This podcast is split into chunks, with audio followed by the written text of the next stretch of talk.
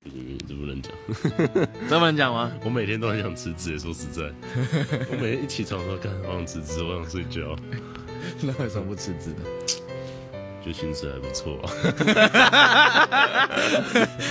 没有啊，工作内容是 有趣的啊、又爱又我喜觉得这个工作真的蛮难，要要找到这种工作蛮难找，就是呃，工作环境好，工作内容有趣，薪水 OK，然后同事相处 OK，四大要素完全那所以为什么想辞职？就很想睡觉。